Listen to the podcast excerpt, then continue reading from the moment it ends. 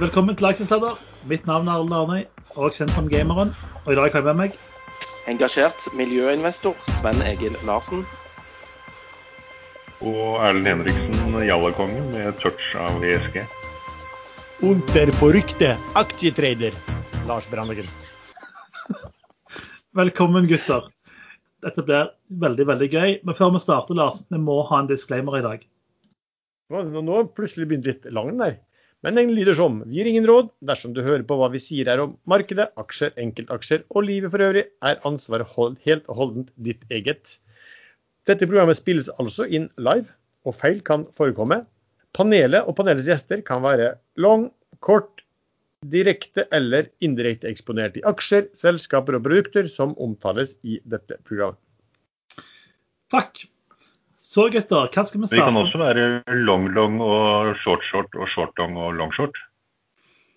Ja, Al, det kan Ja, vi. snakk for deg sjøl, Erlend. Det, det Ja. stemmer. Ja. Jeg kjenner det blir en slitsom innspilling allerede, men jeg gleder meg. Eh, hvor skal vi starte i dag? Eh, der er, lista er så full av ting, jeg vet ikke helt hvor vi skal begynne.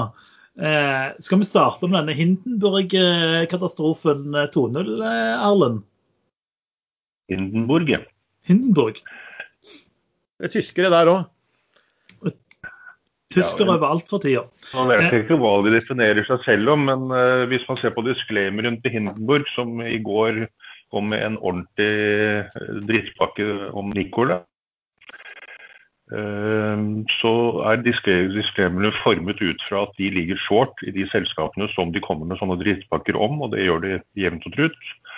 Eh, Og den disclaimeren avsluttes med at eh, de godt kan endre posisjonen sin eh, når som helst etter, etter at de har kommet med drittpakken. Og det er jo ganske fin forretningsstrategi at du slenger ut en ordentlig virkelig vulgær drittpakke som har masse sannhet, men som også har en del overdrivelse, en del usannheter og unøyaktigheter. Eh, Så dumpes da Nicola ble jo dumpet først 15% dagen før den pakken kom, for da kom de med en tweet om at de kom til å komme en, eh, med en drittpakke. Og så gikk den ned 11-12 til i går, og nå ligger den ned 2% til førhandelen. Eh, Så nå vil jeg tro at de allerede har switchet posisjonene sine. For når jeg leser denne drittpakken, så er det faktisk eh, Det er ikke så åpenbart som de skal ha det til. Eh, Trevor Milton, som jeg sier, og Nicola, han er en eh, veldig spesiell type, mildt sagt. Han ljuger eh, mens han snakker. Og har klart å bygge opp et selskap fra ingenting til hvor mange milliarder dollar har det vært på? 50? Ca. 20 milliarder dollar. 20 nå, men den var oppe i over 90 kroner, så den har vært mye høyere. Eh, 90 dollar var kursen oppe i, nå er den på 30, 36. Um, og sånne folk som bygger opp noe så fort, de har gjerne en tendens til å snakke litt om fremtiden, men de presenterer som nåtiden. Um, og skryter på seg masse som ennå ikke har skjedd, og som heller aldri kommer til å skje. Men her har faktisk Nicola klart å dra med seg uh, Iveco, uh, en av de store, virkelig store lastebilprodusentene i verden. Nyttekjøretøyprodusentene. Uh, De har fått med seg Bosch på laget, de har fått med seg norske Nil på laget, og de har fått med seg General Motors på laget, som skal lage den nye pickupen for dem. Så mm, vi har en annen mann som har eh, levd av løgner hele livet sitt, og han har faktisk blitt president i USA. Så mm, man skal ikke dømme eh, notoriske løgnere nedenom og hjem, eh, i hvert fall ikke businessideen de har, før man virkelig klarer å sette fingeren på de farlige tingene. Og at Nicola ennå ikke har klart å lage en lastebil med fuelcell-motor, eh, eller eh, knapt nok en elektrisk motor, det er ikke nødvendigvis negativt. Selv om han sier at de produserer alle delene in-house, og det ikke stemmer, så forsker de nok på det og utvikler det. Eh, Og da ikke, ikke ved hjelp av broren til Trevor Milton, som var en, en mann som jobbet på en eller annen sydhavsøy med å legge betong, eh, lage betongstier inn til hus. eh, Før han ble utviklingssjef eh, ansvarlig for Nicola et eller annet for hydrogensatsingen. Det er selvfølgelig ikke han som, eh, som jobber med dette her. Eh, Han har jo bare fått seg en eh, godt betalt jobb, og tre år har vært snill mot broren sin. Eh, Dette er jo andre som holder på med. Eh, Vi vet jo at Nell-sjefen har jo god teknisk innsikt. Han har vært med i mange år. Han var med å bygge opp brekke i sin tid, og det gikk jo galt økonomisk, men Brekk lever jo nå i beste velkommen. Um, så det er veldig mange rundt sånne folk som tar tak i det som er viktig i sånne selskap, og så er det en del ting som skjer underveis som ikke burde skjedd, men som ikke nødvendigvis uh, betyr at selskapet er bare søppel. Jeg tror ikke at dette er søppel. Men Erling, kan jeg spørre et spørsmål? Uh, hva er det egentlig de leverer hvis de ikke har noen ting av det de skulle hatt, egentlig? Jeg litt begynner å lure på hva er det egentlig de har, hvis de ikke har evnet til å produsere noe som helst? Hva, hva, hva består Nikola av? La, la, oss snu litt på det. Eh, de har evnen til å få General Motors til å produsere en pickup for dem med General Motors elektrisk løsning og fuel cell-løsning, som faktisk ligger veldig veldig langt framme i utviklingen. General Motors har forsket på fuelcell for uh, Forsvaret i USA i mange år. og det jeg har lest, er at de ligger lengst framme med fuel cell-utvikling. Så når, når, en, når en con-artist som Trevor Milton er eh, Con-artist er de som står på broer og sjonglerer med tre kopper og terninger og liksom forskjellige ting og vinner alle pengene dine. Eh, klarer å få til en avtale med dem eh, ved å gi General Motors 11 eh, av aksjene i Nicola, eller nye aksjer, og Nicola skal betale dem 700 millioner dollar for å gjøre alt dette her, så, så vil jeg jo si at Nicola har fått til noe. Og hvis de da parallelt utvikler uh, fuel og elektriske motorer uh, på siden, men at de ikke var kommet helt i mål ennå, så, så, så, er de bare litt, litt etter skjema. Ja, men... jeg, jeg, jeg, tror, jeg, tror, ikke at de utvikler en drit sjøl. Jeg tror bare dette er et tomt skall som de har klart å blåse opp til enorme verdier, og som de bruker som betaling for å kjøpe seg de varene de trenger for å ha et fullgodt produkt, som de da kan si er deres produkt, men som består av kun deler fra andre leverandører. Altså, eneste de har, uh, har kommet med, er markedsføringen. Ja, men hvis de klarer det, er det noe galt i det? Nei da. Og det, det, har man jo altså Det er jo liksom, hva sier man i USA, da? At uh, fake it until you make it. Det er jo ikke så uvanlig der borte, for å si det sånn. Det skjer, det skjer vel her også. Jeg så, jeg så et altså, gammelt intervju med, med Musk eh, fra 2011 eller 2012. Da var han jo helt sikker på at uh, den masse, masse, massesalgmodellen modell E skulle komme, modell 3 skulle komme rundt 2017. Den kom jo ikke nå før i slutten av 2019. Så det, det er helt vanlig at de, de ligger etter skjema og de lover for mye.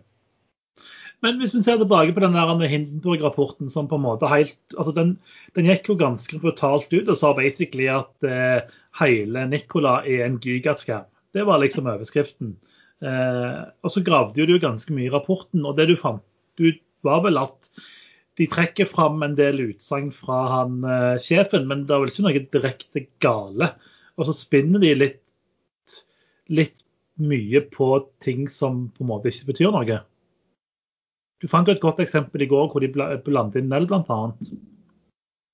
Ja, det er jo direkte feil. Eh, de sier, Hindenburg påstår i rapporten sin at det i dag koster 16 dollar per kilo hydrogen å produsere. Eh, det gjorde det kanskje for tre-fire år siden, men det gjør ikke det i dag. Det er mange som klarer å produsere hydrogen for langt under 16 dollar kiloen. Nell har vel selv sagt rundt tre. Om de har fått det til ennå, eller om det er målet når disse fyllestasjonene til Nicolas skal komme opp i USA, det er jeg ikke helt sikker på. Men, så de, de, lager et eksempel med feil inputs, og så lager, drøfter de rundt dette og kommer inn med en masse, masse, argumenter som ikke har noe med saken å gjøre i det hele tatt. Um, og maler dette så stygt som det overhodet er mulig å få til. Um, ja, ja, Det er jo for at de, de, er jo part i saken, så de vil jo at aksjekursen skal gå ned. Det er jo helt riktig. Erlend. Det må man faktisk ha med seg. ikke sant? Men, men, det er veldig viktig. Ja. Men, men, men, har de, altså på det de sier om hva han hevder ute i markedet at de har av egen teknologi og egen utvikling, har de der et poeng eh, når de sier at det er Det er, full, det er fullt mulig det er fullt mulig de har. Det, er fullt mulig. det, det vet jeg ikke. Det er det faktisk ingen som vet. For det blir jo litt viktig. Jeg vil tro jeg kanskje Nell-sjefen vet mer om det, General Motors vet mer om det, at de har faktisk gått litt tyngre inn. Jeg, jeg klarer ikke å se for meg at General Motors er fullstendig idioter når de, når de signerer en sånn avtale. Nå, nå, skal vi si det sånn at Noen har jo sagt, snakket om Terranos, som sikkert mange husker som, som bløffet vilt med, med typsene blodprøver. Og De fikk jo også avtale med stor, stor aktør. Og da var det også litt sånn Det kom jo opp en stund der også. Da var det også sånn argumentet var at ja, men disse må jo ha gått god for dem. Jeg så det sto etter Jeg er litt usikker på om det var offisielt fra GM, eller om det var Nicola som sa det, men som sa et eller annet om at eh, om det var GM som henviste til at andre aktører har altså eh, Nicola har fått avtale med så mange andre gode aktører at de må ha gjort jobben. Og da, hvis, hvis det er sånn de mener det, så ble jeg kanskje litt sånn skrai på hvis alle mener at alle andre skal gjøre en due diligence. Um, så kan det bli et problem. Det som er helt sikkert, er i hvert fall at GM, den avtalen var jo litt sånn Det var ikke så lett å skjønne helt hva, hva, hva, hva som ble levert eh, til hvem for de aksjene. Men GM vil jo åpenbart gjøre seg mer sexy sant, i markedet. Eh, jeg er ganske sikker på at en sånn rapport som det der blir lest med veldig stor interesse fra GM. For det er klart at Hvis de går inn på avtale og så, og så viser seg deg å være svindel, da eh, er jo de selvfølgelig i ja, enorme reputation-problemer, for å si det sånn. Men jeg er jo litt overrasket. Altså, i, i, og med at Erlend kan sitte med den rapporten i 15 minutter og finne opplagte feil eh, i forhold til det. Det, første, første punktet jeg så på, det vet jeg er feil. Det kan jeg nok om. Ja, og, og, og tenker jeg, Hvorfor tillater på en måte eh, Nicola at en aktør får lov å altså, En ting er på en måte hva rapporten inneholder, men de, de, de skriver jo på en måte at Nicola er en skam. Her er rapporten som beviser det. Hvorfor er på en måte ikke advokatene framme med bombekasteren og bomber de i stykker med en gang? Altså det, det skjønner ikke jeg. Men, eh, men det er iallfall viktig. Det kan jo være fordi at det faktisk er sant, mye av det som står der. Eh, og, og, men sånn som jeg leste den rapporten fra Hindenburg, så går det mye mer på troverdigheten til han Milton enn på selskapet Nicola. Selv om egentlig kanskje det er eh, det samme når alt kommer til alt. For, eh, et punkt de hadde der, var jo at alle forretningsideene til Nicola stem, stem, kom mer eller mindre fra Trevor Milton sitt hode. Det er et godt poeng. Så, det kan godt være det stemmer, men uh, det, det brukes eksempel et eksempel her at uh, Trevor Milton har klart å uh, jage frykt og skrekk inn hos verdens største bilprodusenter, så de hiver seg etter Nicola for å være med på, på det løpet. Det er jo ganske bullshit. for når, når, Da Nicola laget avtalen med Iveco, så var jo Nicola nesten ingenting verdt. Da ble det verdsatt til 1 milliard dollar. Det er, det er jo bare et nanocap-selskap i USA. Eh, så de gikk jo ikke inn i Nicola fordi Nicola var blitt så store at de var nødt til å gjøre det for å komme videre. Eh, Nei, men nå tror jeg du har misforstått. Jeg tror det var Tesla de var redde for. Og at de derfor heiv seg på med Nicola. Det er mulig. Men i alle fall, de, noen poeng virker de å ha. Og så er det litt sånn altså, så, så må man være oppmerksom på at dette her er noen som har en egeninteresse av å slippe noe. Og den egeninteressen er at aksjekursen skal falle, og at de skal eh, tjene penger på det. Ja, men når det er sagt, så har de vært Trevor Milton er en notorisk eh, veldig karismatisk eh, løgnhals. Han ljuger eh, mens han snakker. Det har vi sett mange eksempler på før, og det nevnte jeg til stad. Ja. Hvor mye, et spørsmål da bare. Hvor mye tror vi at Nell har gått gjennom dette? her? For historikken er jo at altså, uh, dette her er jo Nell sin kjempekunde. Uh, så bare var vel DNB som skrev at uh, i, forhold til, i, forhold til, analytikerne så antok de at 50% av Nells inntekter i 2024 skulle komme fra Nicola. Og Nell har jo også putta penger inn i Nicola. Um, altså leverandøren har investert i, i, i, kunden, og den har jo vært veldig veldig, eller vellykket så, så langt. Um, det var vel 50 millioner kroner, så det er heller ikke noe sånn uh, kritisk tall hvis du skulle ta på det. Nei, nei. Um, nei, bare Men de har jo verdsatt i siste kvartalsrapporten så verdsatte de vel den eierandelen på 62 dollar eller noe sånt. Nå. Ja. Men jeg tenker mer på hva, hva, hvor nøyaktig kan Nell ha gått gjennom sin kunde? Det er der jeg sliter litt med å si at Nell ikke har gjort det. Ehm, Nell vet nok mye mer enn vi vet, og mye mer enn Hindenburg påstår. Ehm, Men det fins absolutt ingen tvil om at Trevor Milton er en mildt sagt skuril person som man i utgangspunktet burde holdt seg langt unna. La oss eh, hoppe videre. Eh, Sven, du har jo i eh, mange uker, om ikke måneder, hatt en eh, liten affære med den berømte Tina. Eh, men nå har det dukket opp en ny, eh, ny skjønnhet i kan man si, stormkastene. Nei, dette er ikke en kjærlighet. Jeg har lest nyheter, det burde dere òg gjøre. Det er et værfenomen som heter El Niño, det betyr gutten, og så La Niña, som betyr jenta. Uh, og det værfenomenet fører til uh, vind og regn og flo og fjære og, og, masse sånn dritt. For ni år siden hadde vi det samme fenomenet. Uh, førte til at matvarer, enkelte matvarepriser økte med opp mot 40 det er store innvirkninger på, på, avlinger rundt omkring i hele verden. Så hvis dette fenomenet, som de mener er 75% sjanse for, kommer nå i 2020, Selvfølgelig i 2020, fordi at uh, vi har jo alt annet dritt, så hvorfor ikke ha med denne her òg. Eh, så må vi følge med litt på, på enkelte råvarer som kaffe og, og, og, forskjellige andre landbruksprodukter. Uh, det er bare å være oppmerksom på at, at det kan skje noe innen, innen, disse råvarene. Så det var ikke noe mer enn det. altså Jeg bare tok det med som et punkt å, å følge med på. Men, men, fordi at jeg leste det i dag. Men sist gang så, så sto jo dette ganske kraftig ut på en del matvarepriser. Ja, det var jo det det gjorde. Så derfor, hvis du tror at dette skjer, eh, noe forskerne sier er 75 sannsynlighet for, så skal du faktisk gå long disse samme matvarene som da gikk sky high sist gang. Ja, for de steg 30-40 for ikke å snakke om det? På, på relativt kort sikt. Men er ikke det frontrunnet allerede? Det er det helt sikkert. Jeg, som sagt, jeg leste kun denne saken i dag og ble oppmerksom på den og tenkte kanskje vi kan snakke litt om det. Men i og med at dere ikke har fått det med dere, så, så er vi gjerne litt Jo, jo, fått med det. Jeg vet til og med at havet blir kaldere eh, av den eh, søsteren til eh, El Niño. Men en, en ting er råvarene, men hva, hvordan kan det påvirke enkeltaksjer og også altså en, ting, en, en ting jeg tenker på, Har dette her noen påvirkning på, på um, oppdrett? Det er vel egentlig bra for fisken, da. Eh, hvis eh, Atlanteren blir, blir, kaldere. Nå vet ikke jeg hvilke hav som ble kaldere. Jeg tror det var Indiahavet som var påvist kaldere allerede.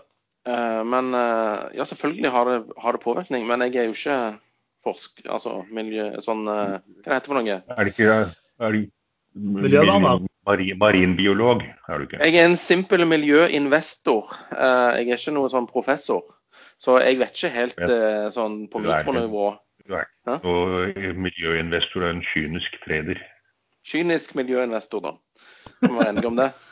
Jeg er ikke laksen sånn at den egentlig liker kaldere vann, så hvis det skulle bli kaldere vann lenger sør i Norge, så er jo det bare bra for laksen. Det tar litt lengre tid før de blir slaktemodne. Det blir mindre sykdom fordi lusen uh, liker seg dårlig i kaldt vann. Men hvordan påvirker det været i Norge? Så... Det blir mer vind. Så uh, jeg har tenkt å ta ned trampolinen da, eh, relativt kjapt. Eh, Nå igjen? Det er, snakk om, det er snakk om dager, tror jeg, før jeg tar ned den trampolinen. Det var, sist gang var det grillen du måtte løpe etter. Det måtte passe at du måtte løpe ut etter trampolinen nå. Ja, du ser at han står og rister litt. Da er det på tide. Ja. Det er på tide. Ja. Nei, det... jeg, tenker, jeg, tenker, mer sånn at uh, hvordan det kan påvirke altså en vintersesong i Norge med altså, ja, butikker XXL, en del sånne ting. Altså, ja. Nå har du tenkt mye lenger enn hva jeg gjorde. Jeg bare tenkte at dette var en nyhetssak. Ja. Men det er vel sånn det bruker å være, det. Ja. Man kan jo, I og med at dette påvirker matproduksjonen, øh, og prisene går opp, prisene går jo opp fordi det da blir produsert mindre mat, øh, så kan jo dette bli et dobbeltproblem. For allerede pga. covid øh, så er matproduksjonen i, i deler av verden redusert kraftig. De sliter med å Eh, høste inn. De kan ikke ha for mange arbeidere samtidig, mange er syke. Eh, fagarbeidere mangler. Eh, de sliter med å frakte den fra produksjonsstedet til havner, og de sliter med resten av frakten rundt i verden. Pluss at noen land har blitt proteksjonistiske og nekter å selge ris og hvete. Var det vel Russland som stoppet å eksportere i sommer? De har kanskje begynt igjen nå, men Så dette kan jo komme oppå, oppå hverandre. Og øke inflasjonen. Da, må man kjøpe litt uh, kaffe og ha ekstra i skapet. Kjøpe hele bønner. De holder kvalitet. Denne episoden sponses av IG.com. Nå lanserer IG ukesrapporten med Rikard Paulsen. Med IGs ukesrapport får du et helhetsbilde av markedet ut fra et fundamentalt og teknisk perspektiv, som altså skrives av markedskommentatoren Rikard Paulsen. Fokuset vil være på indekser og aksjer, men også andre markeder som kryptovaluta vil analyseres. Ukesrapporten skrives av Rikard, som har lang erfaring på markedet og innen trading. Rikard arbeider i dag for Arkane Media, og har tidligere vært derivatmegler i råvaremarkedet, før han jobbet som aksjemegler i privatkundesegmentet. Han har senere grunnlagt og solgt flere bedrifter innen fintech og markedsføring. Av utdannelse har han en bachelor innen finans fra Handelshøyskolen BI. Du finner lenke til ukesrapporten i beskrivelsen til denne episoden. Eh, denne uka så var det jo, eller Sist uke snakket vi jo veldig mye om Quantafuel. Eh, og Omtrent hver dag denne uka så har jo folk spådd at emisjonen må komme. Eh, I går kveld så, kom emisjonen, som jeg prøvde å tegne meg i, men jeg fikk ingenting. Så det blir ikke julekort til, til min favorittmegler i år. Eh, tegnte du deg emisjonen, Allen? Nei, jeg gjorde ikke det. Jeg hadde, hadde en del på forhånd og snitt eh, på 69. Så nei, jeg gjorde ikke det. Hva med deg da, Lars? Men jeg økte i dag. Økte på tre kroner lavere enn emisjonskursen. Ja. Hva med deg, Lars? 270 lavere. Fikk du tegna deg? Jeg kasta meg inn, tegna, fikk litt tildeling og har solgt det fordi kursen falt ned. Og da så um, innsikt i caset har jeg ikke, at da var det bare å ta et lite tap og komme seg videre. Og det, det, det er faktisk, men Nå er ikke IPO-er, men det er også en sånn liten sånn regel. Det er gjerne IPO som sier at hvis, hvis dag én på en IPO går dårlig, så skal man uh, så det er vel sånn statistikk at da, da tenderer aksjene å gå dårlig. Nå er ikke det her en IPO, da, men, ja. men det er av og til sånn at hvis du ikke har noe spesielt forhold til et selskap, OK, du kaster deg med og blir med, så det kan være smart bare å ta tapet tidlig. Foreløpig ligner dette veldig på ligner dette veldig på alle Nell-emisjonene, hvor kursen blir satt med veldig liten rabatt på sluttkurs, og så faller kursen hver gang under emisjonskursen noen dager, og surrer og går litt der, og så drar den opp igjen. Mm kan godt skje, for det var jo veldig stor interesse mm, for den her også, tydeligvis. Nå skal jo si det sånn at gud hjelpe med hvor de har bulla caset, disse eh, meglerhusene rundt omkring. De har liksom gått fra 20, altså De har liksom økt med 20-50-100 kroner på um, antatt uh, på, på, analysene sine. Eh, og det har vel vært de som har sagt at her For det har vært ganske åpenbart da, at, at Quantafull ville hente penger. Eh, og det har vel også vært eh, ja, for mine i hvert fall ganske åpenbart at en del av de analysene også har vært eh, ganske eh, selgende da, inn mot Quantafuel for å få eh, corporate-draget på å hente. De henta altså 600 millioner, og så var det altså nedsalg fra toppledelse og andre også på Jeg husker ikke hvor mye det var til sammen der, men det var kanskje for en 150 mill. det også? Eh, de, eh, skal vi se, eh, Fasiten de 8,6 millioner aksjer, totalt 602 millioner, er det som ble tegna i emisjonen. Og så ble det solgte ledelsen 2,5 millioner, eller 175 millioner fra på en måte sine poster. da. Mm. Så totalt 777 millioner ble det omsatt for. Ja. Eh, vi har fått en del spørsmål rundt det tekniske på emisjonen. Eh, fordi eh, jeg vet jo Erlend eh, satt jo med 500 aksjer for å få tegningsretter. Men eh, det ble ingen rep-emisjon, det, eh, det, ble på en måte ingen tegningsretter. det som ble annonsert, var at det er en såkalt accelerated bookbuilding. boka åpen. Og så annonserte de boka dekka, og klokka syv ble boka stengt. Eh, altså det er en del som har lurt på hva betyr de ulike begrepene. Eh, og blant annet, Du fikk jo tildeling, Lars. Jeg fikk ikke tildeling. Eh, så skal vi snakke litt om det. Men vi kan jo på en måte begynne med hva betyr egentlig accelerated bookbuilding. Så får du, du får korrigere meg, Lars, siden du er eksperten. Jeg er jo bare programlederen, amatøren. Men det kan egentlig ses på som en auksjon. Så når man da skal delta i en sånn emisjon eh, For det første så var minstetegninga 100 000 euro. Så du må tegne deg for 100 000 euro eh, minimum.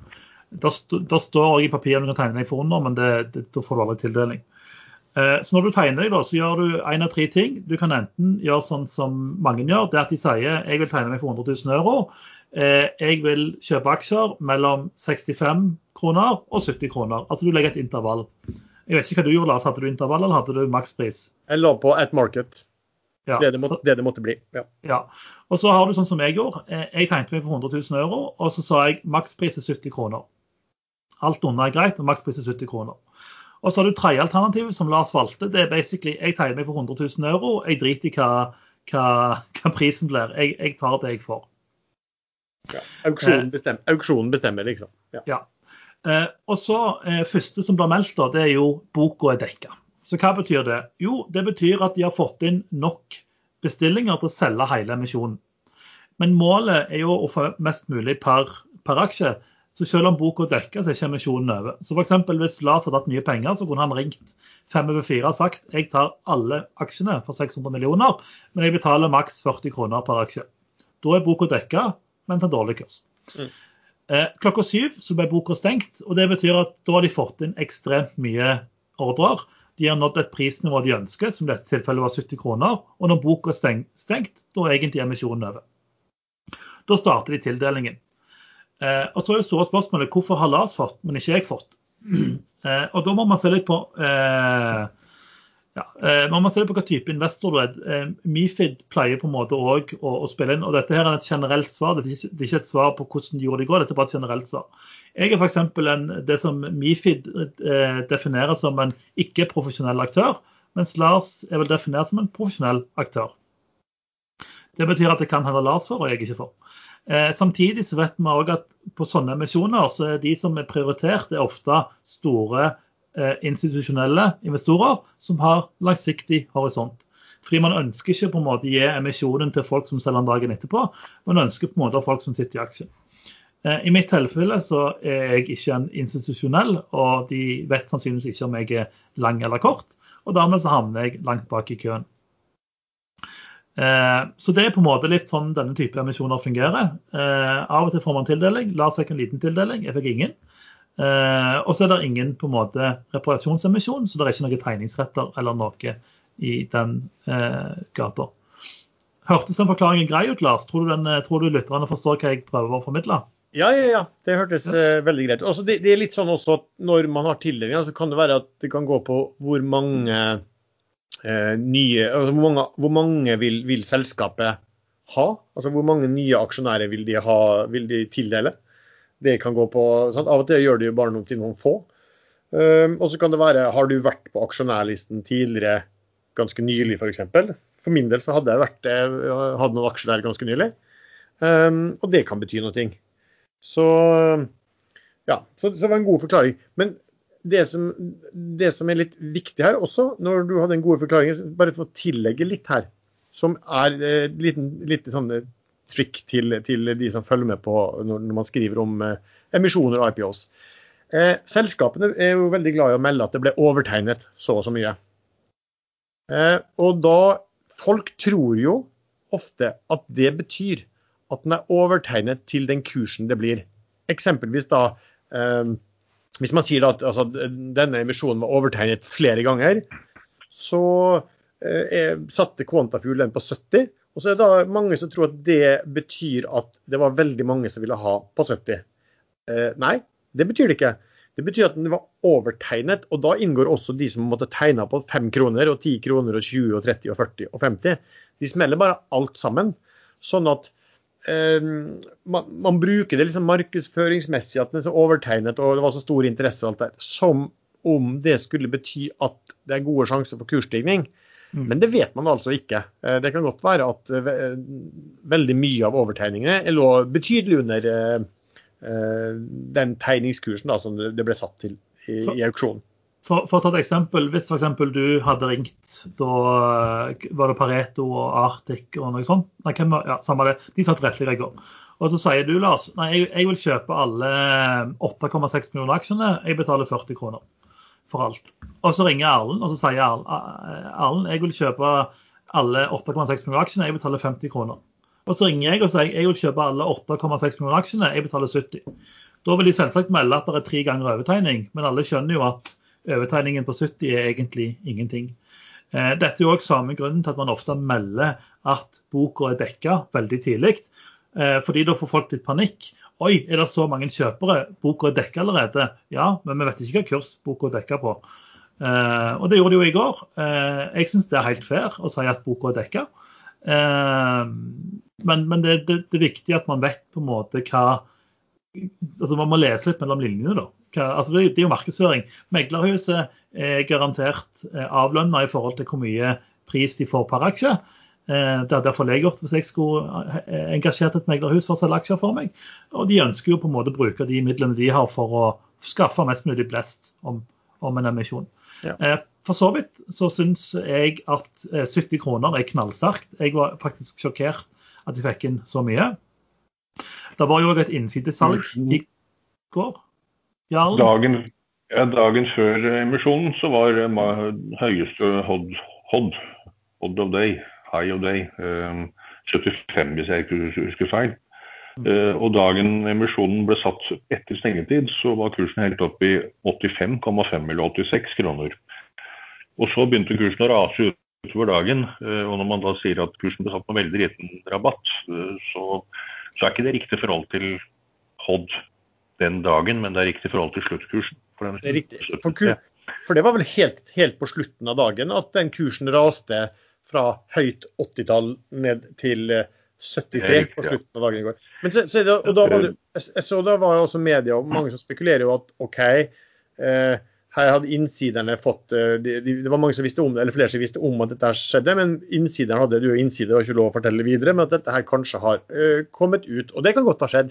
Men så er det jo også noe at det er nok veldig mange som daytrader Quantafuel. Det ser man av volumene og, og på aksjonærlisten. Og da er det jo sånn at det har vært, nesten hver dag har det vært spekulasjon inne på um, chatten på Ekstrainvestor. Så er det liksom på en hverdag er det sånn Kommer Quantafuel i dag med contemplated, altså at de skal hente penger?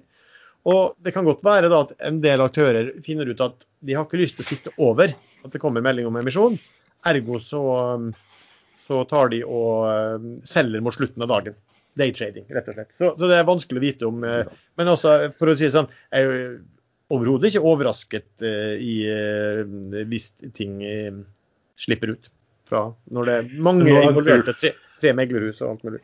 Men jeg, jeg, altså... Klokka 15.53 15, klokka 15.53 i går så skrev jeg på Twitter uh, 'Contemplated i Q-full i dag'? Spørsmålstegn. Ja, ja for, da, for da aksjen begynte å falle, det, det, du så? at den falt? Ja, den begynte å falle ganske kraftig. Altså, jeg, jeg tror det var 81, eller rundt 80 til 81 når jeg skrev dette. Og så føyk den jo bare videre ned. Men, men jeg, jeg, tenker, altså, hvis det er noen som visst og har lekt, så er det særdeles ulovlig. Jeg, tror ikke det er sannsynlig. Altså, tingene, og Dette har vi sett på Ekstramester. Folk har diskutert hver dag. Det er folk som har kjøpt hver morgen og solgt hver ettermiddag og daytrader. Eh, og så har alle, alle vet det kommer en emisjon fordi det er det som er fornuftig. Eh, og så er det mange folk som skal ut. Når da, sånn som Sven da sier, er det i dag emisjonen kommer, og panikken først sprer seg, så får du jo en sånn panikkeffekt. sant? Så jeg tror folk bare undervurderer hvor mange som, som på en måte satt intradag i den aksjen, og som fikk litt panikk samtidig. Men igjen, altså, jeg tenker som en småaksjonær eller en eh, ikke-profesjonell aktør, så må du tenke at det, eh, det, er alltid folk som har mer informasjon enn deg, og så får du handle ut ifra det. og Så trenger man ikke spekulere så mye om om det er andre som har brutt loven eller ikke. Men når man snakker Quantafuel, eh, så er det bare en liten sånn tilleggssak. fordi eh, Vi har diskutert den ganske mye på, på Ekstrainvestor den siste uka. Eh, og vi, vi snakket, Jeg snakket jo veldig mye om den sist gang. og Det var på en måte et spørsmål der som vi egentlig ikke hadde helt svar på. og Det er jo eh, Lego-familien sitt investeringsselskap Kirby, eh, er det Kirby det heter? De, kjø, de gjorde jo et eh, kjøp på 250 millioner danske kroner i Quantafuel tidligere i år. Og Mange har spekulert i hvorfor gjør Lego dette. Er dette en del av deres strategi for å bli grønne? Eh, og Hvis man går inn på lego.com slash eh, et eller annet eh, grønn rapport, jeg husker ikke hva den heter nå, så står det en del om det. Og Det jeg fant da i denne rapporten, som de da gir ut hvert år, tilbake i 2010, så skriver de nemlig følgende at de er den femt største kunden til Bafs i verden på ABS-plast. Eh, og at de sammen med BAFS skal prøve å finne en mye mer grønn måte å lage denne plasten på. Og hva er det Quantafuel lager i dette anlegget sitt? Jo, det er nafta, som man bruker til å lage bl.a. ABS-plast. Eh, og BAFS er da en partner med Quanta. Du må si BASF, for det er ingen som vet hva BASF er. Ja, BASF. Takk, Erlend. for de som ikke vet hva BAFS er. Jeg, synes, jeg har alltid sagt BAFS. Samme det. Så, så, man kan på en måte tenke ok, er det en sammenheng med at eh, Quanta og BASF er partnere. Lego har gjort en større investering i Quanta. Lego er den femte største kunden på eh, ABS-plastgranulat fra BASF, og ja, osv. Så, jeg synes det var en interessant ting. da, For meg så la det liksom siste brikka i puslespillet. Når det er sagt, så syns jeg at Quanta er litt høyt prisa akkurat nå. Men jeg syns teknologien er veldig, veldig spennende. Vet du hva, vet du hva BASF står for? Nei, men jeg regner med tyskerlærer eh, Lars Brandengen kan, eh, kan, forklare. Ja, Det er vel faktisk Erlend hos oss da, som er dypt involvert i det tyske. Jeg eh, vet ikke om du vet, jeg vet det, men vet du det, Henriksen? Nei, jeg vet ikke. B, B kan vel kanskje stå for Bayern et eller annet, men det Nei. ligger jo i Ludwigshafen som ja, det, står for, det, ble, det ble grunnlagt for 155 år siden, står det på Wikipedia. og Det er Badische Anilin und Soda Fabrikk. BASF. Badische Anilin und Soda Fabrikk. Jeg husker BASF, de, eller BASF, da, så det er politisk korrekt dette her inne på denne podkasten. Eh, de lagde sånne kassetter. Så ja, det, det, tenkte jeg på. det tenkte jeg på. Sånne VHS-kassetter. Ja, ja, og musikkassetter. Ja. Begge, begge deler. De var, de var, god kvalitet, husker jeg, så jeg kjøpte aldri de fordi at eh, de var så dyre. så jeg bodde jo i Mannheim på andre siden av Rhinen for uh, eh, BASF-fabrikken, uh, raffineriene. Den gangen var det 14, 14 km langt område med raffineri og det forklarer, det forklarer jo en del, da. Oh, ja. jeg, tror, jeg, tror, vi legger den der. Men tilbake til tyskerne. Eh, vi har jo en liten eh, tysk invasjon av eh, Merkur Markets, eller børsen generelt. Eh, og frontredning av tyskerne har nesten blitt en sport. Eh, noe som du har lyst til å dele med lytterne hva vi, hva vi tenker på? Eller hva vi har oppdaga, kan vi vel si. Ja, vi var inne på det før. Um, at i Nell så dukka det etter hvert opp en, en nominikonti. Altså det vil si at hvis du handler, sitter i, i Tyskland og handler på Eh, på norske børsen, så må du ofte da gå gjennom en nomini. altså det vil si at Hvis du hadde handla gjennom DNB f.eks., altså så er det DNB som framstår utad som eier. Og, og, sånn er da Clearstream. Og den økte og økte. Eh, og det var en del som spekulerte at her var det liksom store tyske industrielle interesser som egentlig satt og plukket aksjer. Men det viste seg, jeg husker ikke, vi, vi var jo inne i en episode når det kom fram hvor mange titalls tusen tyskere det her var. 150 000 ca. Ja. Ja, enorm mengde. Og, og, de kom tydeligvis da stort sett startet ved et, et nettsted som heter Der Aksjonær i, i, Tyskland, som fattet interesse for uh, Nell, og som pusha da det glade budskap om Nell ut til alle de som besøkte uh, nettsiden deres. Og så har det da tydeligvis bredd seg, da, suksessen med Nell, hvor de kom inn Jeg tror de begynte å kjøpe på tre kroner, disse tyskerne, og dra den opp i i, i 20 og nærmest, nærmest, alene, for å si det sånn. De eier vel da altså, Clearstream, jeg husker ikke hvor mye av Nell Noen som husker hvor mye Over 43% sist jeg sjekket. Ja, ikke sant. Så ser man at de begynner å dukke opp i andre norske eh, selskaper. Du har sett det i Quantifuel og Quantafuel, og du har sett det i Wow. Og da sitter folk og ser på aksjonærlisten at ah, Clearstream de økte de har økt antallet aksjer i eh, Du ser det med et par dager fordrøyning.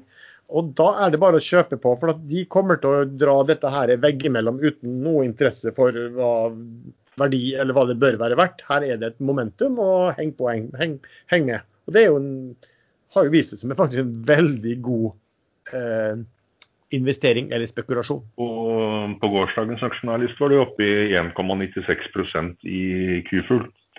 Eh, og de har da gått fra null eh, opp til to, nesten 2 i løpet av veldig få uker. Q-Fuel er faktisk ned 13 kjøper, uh... Ja. Jeg er Q-Fuel ja. Beklager bare for å avbryte deg, men Q-Fuel er nede på 63,4.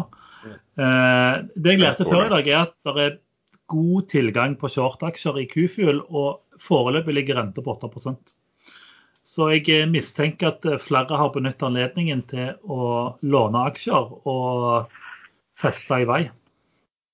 Dette blir en sånn selvforsterkende effekt når kursen har vært helt opp i 86 kroner dagen før. Da er det eh, mange som har giret investeringen sin og må selge, eller blir tvangssolgt. Eh, eh, kombinert med de som shorter, som spekulerer i at dette skjer. Ja, eh, og så begynner det stopplås og tvangssalg enda lenger ned. Så den kan fort gå ned til 50 kroner og kanskje en. Den var på 45 kroner forrige fredag, hvis man har litt i bakhodet. Men det, det, som er, det, som kanskje folk også tenker litt på, er jo at det er jo alltid negativt når du ser at eh, toppledergruppen da, eh, selger ut og, og blir rike. Eh, I hvert fall han, Topplederen han solgte vel 900 000 aksjer, og så han solgte vel da for eh, noen og 60 millioner kroner i et selskap som ennå ikke har inntekter, og hvor veldig mye står og faller på at den fabrikken nå som de kommer positive meldinger på, virkelig fungerer. Og så kanskje har noen bedt seg merke i at han han som var gründer av Quantafjord, Quantafuel, han har vel ikke vært direkte involvert på noen år i selskapet, men gründeren han solgte da ut alle aksjene sine for det, to uker siden.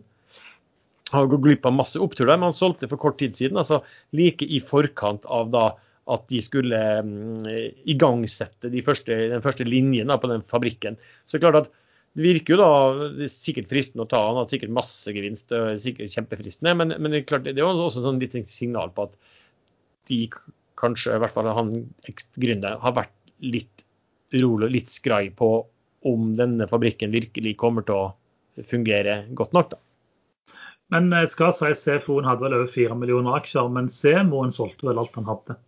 Så man, man, må jo på en måte putte det inn i risikomatrisen sin at eh, ledelse selger. Eh, når det er sagt, jeg syns jo aldri det er positivt at ledelse selger, men jeg synes jeg har diskutert dette ganske mye i går med flere, men jeg syns måten ledelsen solgte på var ganske rent. At de på en måte legger det til en emisjon. Eh, og på en måte det blir annonsert når emisjonen blir annonsert, så på en måte all infoen ute i markedet. Jeg vet ikke hva dere tenker om det. Hva, er det en bra måte å gjøre det på, eller er dere det er en dårlig måte å gjøre det på? Det er den beste måten å gjøre det på, hvis de vil eh, ha litt cash på bankkontoen også. En, en, men en liten sånn sidespor jeg vil si om Quantafuel, som har vært litt sånn irritasjon for meg. det er at det har vært mye skriverier om det. og Du har sett liksom oppslag da, i Finansavisen og E24 og Dagens Næringsliv i går. Og det har vært, gjerne vært litt sånn eh, hvilken boble dette her er. Og det, det som da irriterer grusomt, er når de kommer med dette her, og så kommer de med liksom sånne kommentarer som ikke bare preger at man har satt seg inn i, i selskapet i hele tatt. Altså Dagens Næringsliv i går artikkel med en som var, var økonom og kjemiker. Eh, og det ble liksom, da, De fremhevet det som om det skulle bety noe. Og da, da gleder jeg meg litt til å sitte og lese hva han kjemikeren da, hadde å si om selve den prosessen, og, og hva, hva, problemet var, siden han var så skeptisk. Men de, de skrev ikke ett ord om. De bare skrev at vedkommende hadde snakket om altså, hvordan det var med tulipaner i Holland på i 1600-tallet, eller når det her måtte være. Men ikke et eneste fundamentalt ord om hva problemet var. Og da er det sånn han kan godt ha rett, og sånn, men det gir jo absolutt ingenting av innsikt til de eh, som leser det. Så her burde faktisk de journalistene klart gjort en mye bedre jobb med å få en kjemiker til å forklare hvorfor dette en, er en dårlig idé. Det han påstod var at dette har de prøvd på mange ganger før eh, og ikke fått det til. For det er eh, alltid mye urenheter i plastavfall. Eh, og de har ikke klart å rense dette godt nok unna. Men det er jo patentet som denne fabrikken er laget på. Det, der påstår de at de har klart å løse det problemet. Eh, og hvis det stemmer, og her Man må ha i bakhodet at BASF har sendt sine beste ingeniører, teknikere, hva man kaller disse, som eh, analyserer sånt, og gått gjennom fabrikken og finjustert på ting og brukt mange, mange måneder på denne prosessen. BASF har veldig gode folk som vet akkurat hva de driver med. Jeg, tror, jeg sliter veldig med å skjønne at de skal gå inn med penger, men eh, for dem er det et fislebeløp. Det er vel 20 millioner euro eller noe sånt. Nå. Det er ingenting for en uh, bedrift som uh, omsetter for 56 milliarder euro i året. Uh, men de er interessert i teknikken. ellers hadde de aldri brukt tid på dette her. Ja, eller, grønnvask de eller grønnvaskingen av egen virksomhet. Ja. Jo, men altså, det, det, er jo bare, det er jo bare se, se, på EU nå. Nå kommer jo EU-skatten, eh, som jeg faktisk har lest meg opp på. Eh, dagens eh, andre fun fact. Eh, EU-skatten kommer ikke fordi at EU ønsker å bli grønnere, den kommer fordi EU må dekke covid-regningen sin. Det er faktisk ikke kødd, og det står i dokumentet fra EU. EU-plastskatten, tenker du på? Ja, plastskatten til EU. Den kommer fordi de skal dekke covid-regningen. Når man på en måte ser alle disse beisartiklene, så, så det er to ting som går igjen. Det ene er at de trekker fram Spetalen sitt, eh, sin uttalelse, som er flere, flere, måneder gammel og sikkert ikke aktuell lenger. Eh, og så har du jo han eh, kjemikeren og økonomen i intervjuet som sier null om kjemien og økonomien. og så er Det sånn, det er faktisk ganske lett å regne på dette. 1. Anlegget på Skive 18 000 tonn plast i året. Check. Cirka pris på plast det finnes det regnestykker på. Man kan se på Pareps analyse, man kan se på TNBs analyse, man kan se på Sparebanken 1 analyse. Alle de har gjort gode eh, estimater på hvor mye de får betalt per tonn plast. Eh, og så vet vi at EU-skatten er 800 euro. Eh, eller hvis den blir innført, så blir den 800 euro. Eh, og det er på en måte toppen. Så vi har på en måte fullt eh, transparent oversikt over inntekten på å motta søppelet. jeg tror det er Sparebank1 som har lagt en svær eh, Excel-ark hvor de har vist forskjellige alternativer til og med. Så man vet på en måte hva innsatsen koster. Ok, og så Hva er sluttproduktet? Jo, Sluttproduktet er i hovedsak nafta, litt diesel, naturgass som de bruker selv, og aske, som jeg tror egentlig er søppel. Jeg tror ikke de får betalt noe for den. Så vet vi av meldingen som kom i går, at naftaen holder høy nok kvalitet. Check. Nafta er en råvare som handles på samme måte som all annen råvare. Så det betyr at hvis du googler nafta pris per tonn eller per 1000 liter, så får du opp dagsaktuell pris. Voilà, du vet ca. hva de får for råvaren sin. Sant? Du trenger ikke å ha fysikk, eh, doktorgrad i fysikk eller doktorgrad i matte for å klare dette. og da, da skjønner jeg liksom, Når man skal beise eh, Quantafuel, Hvorfor ikke bare se på fakta? Så alle skjønner jo at skivefabrikken tjener lite penger fordi den er liten teknologien er ny. Men det er jo ikke det man priser selskapet på. Uh, så jeg, eh, jeg, blir litt overraska. Jeg, jeg, skjønner ikke hvorfor måte, journalistene tar så mye snarveier når det er så enkelt å regne på sjøl og faktisk få et vettug svar. Så kan jeg heller si at eh, OK, Quantafuel er en fabrikk eh, som går på 17,5% tror jeg det den går på for å gjøre ei linje av fem eller seks eller noe oppe. Eh, det gjør at de tjener 10 kroner en dime i året, og selskapet verdt 10 milliarder. Flott, alle skjønner at det er dumt å investere da. Istedenfor er det bare nei, du må være idiot for å kjøpe aksjer. Det var dagens lille rent. Skal vi hoppe videre? Sven, du har skrevet Greta Thunberg. Eh, vil du snakke om Greta Thunberg nå? Ja, Jeg skal snakke veldig kort om Greta Thunberg. fordi at Jeg tenkte litt på det her forleden. Det er jo faktisk hun som har eh, starta all denne galskapen, føler jeg. Sånn at, eh, og alle driver nå og springer etter sånne, nei, sånne miljøteknologiselskaper og, og, og, gir de alle pengene de vil ha, og mer, mer enn en det. Så eh, liksom at hele denne bevegelsen starta med hun, og så har det bare balla på seg, og så skal alle fondsforvalterne ha grønne aksjer. Altså eh, Ja. Kunne ikke de foreldrene hennes sendt henne på noe fotball eller håndball eller sånne ting heller, eh, istedenfor dette tullet nå? Eh, det er jo syns jeg du må helt... slutte opp her, for jeg har tjent masse på ESG-aksjer eh, i det siste. Ja, men for en som, sitter, en, en som sitter og tviholder på null-aksjene sine, som ser at de går mot null eh, hele tiden Det, det er slitsomt. Altså, men, ja, for vi trenger olje. Vi trenger ikke alt det der tullet som kommer nå, som aldri kommer til å bli lønnsomt. Og vet du hva, jeg tror, jeg tror de der miljøselskapene eh, de kommer til å, liksom eh, når de går ut og sier nei, vi skal ikke tjene penger på dette, her, for det er umoralsk. Så vi, vi kommer til å være sånn non-profit companies. Eh, og de aksjene der, de kommer til å ta av. For de, de, er så eh, skikkelige og, og, og, og snille at, at, alle vil ha aksjer i de, som ikke kommer til å tjene en krone. men, men, vet du hva, tror du at folk kjøper altså En ting er de forvalterne som, som må være fine, men alt av det, alle av retail som nå kaster seg inn av tyskere og alt mulig sånn som kaster seg inn i, i hvert fall de norske er det egentlig noen av dem som bryr seg om dette grønt? Er det ikke bare at de ser at her foregår det en, her er det en veldig oppgang, kanskje en litt sånn strukturell endring, det er hype, det er voldsom optimisme. La oss kaste oss inn og tjene penger på det, og hva det er for ting. Det kunne vært hva som helst. Ja, selvfølgelig. Og det er jo det jeg sier. At hvis noen av disse selskapene sier at nei, det er umoralsk av oss å tjene penger på at vi rydder opp i, i, for, i miljøet her. Dette skal selvfølgelig gå tilbake til miljøet og, og, og, og, tilbake til naturen. Så vi skal ikke ha noen penger av dette her. De aksjekursene kommer jo til å gå til månen. Du, jeg så forresten, Apropos der, så, så han var ute i dag, han Jens Jens Ultvedtmo, som sier at han har hatt, jo hatt veldig mye rett i dette grønne skiftet. og Så har han vært altfor tidlig ute. og Det er jo litt sånn sant i det. Vært mye kjedelig for han der i rekke og annen ting. Men det han sa som faktisk var, var Han sa jo også at det er et strukturelt skifte. Men det han sa også var vær oppmerksom på at når, dette mark når, når markedene blir så store at man kan liksom tjene penger på dem, eh, da, da kommer kineserne. Det visste han godt til. Og det er vel mitt sånn poeng her. Det tror jeg også, innen jeg ser på disse her, for Vi kan diskutere om at det er smart, og det er alltid kan være fint å kjøpe på momentum og hype, men hvis du begynner å regne på hva fair verdi er, det, hva som er innbakt av verdi der, så er jeg litt usikker på om det er innbakt noe særlig konkurranse. Men vi er ikke, vi er ikke i den fasen ennå. Nei, da er vi ikke det. Vi er ikke i den fasen der vi begynner å se på, på tallene. Men, men i forhold til konkurranse, la oss ta Quantafuel igjen som eksempel. Vi har snakket veldig mye om Quanta, men de er et godt eksempel. Det kommer jo en ny konkurrent nå på Merkur. Yes, yes, men det kommer til neste episode, for den kommer i slutten av måneden. Så det, den er ganske spennende, faktisk.